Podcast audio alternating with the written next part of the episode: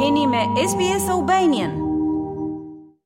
Në një kohë që deputetët demokrat kanë mbledhur firmat për të larguar si kryetar grupi Enkelejd Alibeajn, ai e cilëson një agresion që vjen si rezultat se PD-ja, që drejtohet nga Sali Berisha, bashkëpunon me kryeministrin Edi Rama. Pasi përjashtoi katër deputetë nga grupi parlamentar i PD-së,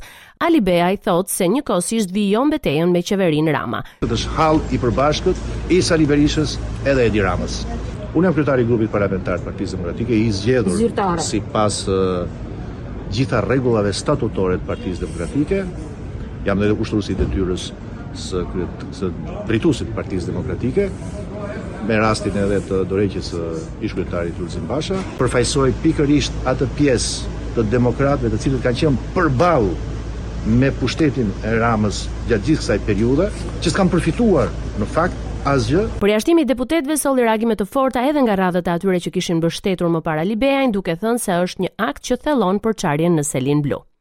Konferenca e Kryetarëve ka rrëzuar kërkesën e PD-së për ngritjen e komisionit hetimor që do të verifikonte shpenzimet e parave në udhëtimet e kryeministrit Edi Rama me charter. Deputetja Jorida Tabaku tha se konferenca e kryetarëve i tejkaloi kompetenca duke refuzuar kërkesën e Selisë Blu. Teksa deputetët kanë nisur zyrtarisht procedurat e shkarkimit të Enkelejd Alibeajt nga funksioni si kryetar grupi i Partisë Demokratike,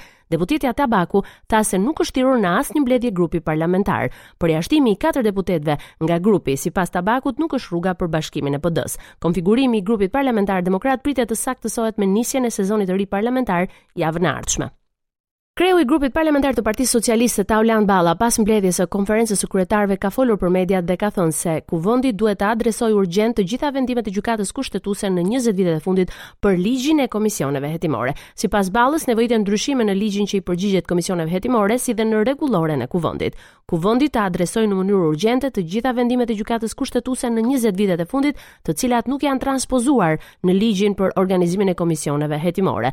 Është një ligj në vitin dy mijë e dy ndaj të cilit ka një sërë interpretimesh dhe dakordësia në Konferencën e Kryetarëve është se këto janë shumë vendime që duhet të transpozohen, tha Balla, i cili theksoi gjithashtu Rregullorja e Kuvendit ka nevojë për ndryshime urgjente, përfshirë këtu ligjin për komisionet hetimore.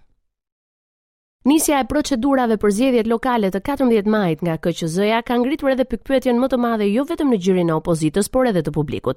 Aktualisht janë dy grupime të PD-së, por cilin prej tyre do të njohë ky institucion si forcën legjitime që ka të drejtën edhe për të propozuar anëtarë në KZAZ, edhe më pas në qendrat vendore apo grupe numërimi.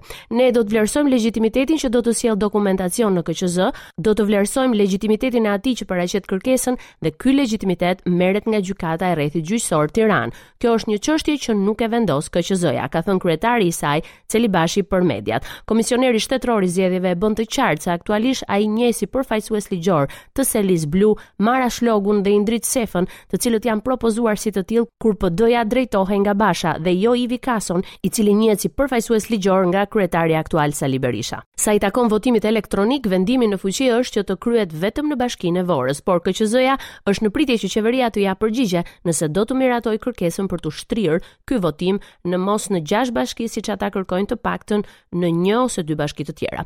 Celibashi kujtoi institucioneve se duke nisur nga e premtja e 13 janarit nis afati i detyrimit të raportimit në Komisionin Qendror të Zgjedhjeve mbi veprimtaritë publike të tyre.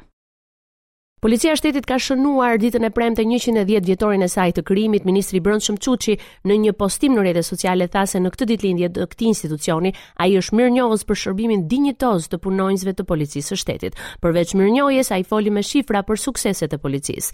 Lamë pas një vit ku falë punës së Policisë së Shtetit, Shqipëria pati tridhjetë për qind më pak vrasje dhe trembëdhjetë pikë pesë për qind më pak aksidente rrugore. Rritja e pagave me pesëmbëdhjetë për qind, por dhe përfshirja në ndihmën e pakos së madhe përbëjnë një mbështetje të konsiderueshme për zerimin e ndikimit të inflacionit të luftës në familjet e tyre.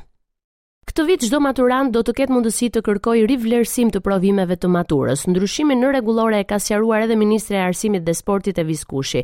Ndryshime priten edhe në arsimin e lartë, rënia e numrit të studentëve në disa degë studimesh në rrethe ka bërë që zgjidhja të gjendet tek profilizimi i universiteteve me degë sipas kërkesave të tregut të punës. Pyetjes për mbingarkesën në shkollat e arsimit parauniversitar nga numri i lartë i nxënësve në klasa, ministrja u përgjigj se do të rishikohet ky proces për t'u marrë masa. Në objektivat e kësaj ministrie për vitin 2023 janë dhe rritja e cilësisë së arsimit të lartë përmes ndërkombëtarizimit dhe nxitjes së kërkimit shkencor. Raportoi nga Tirana për Radio SBS Gerta Heta. A ju pëlqeu ky reportazh? Për më shumë vizitoni Apple Podcast, Spotify ose faqet e tjera të podcast.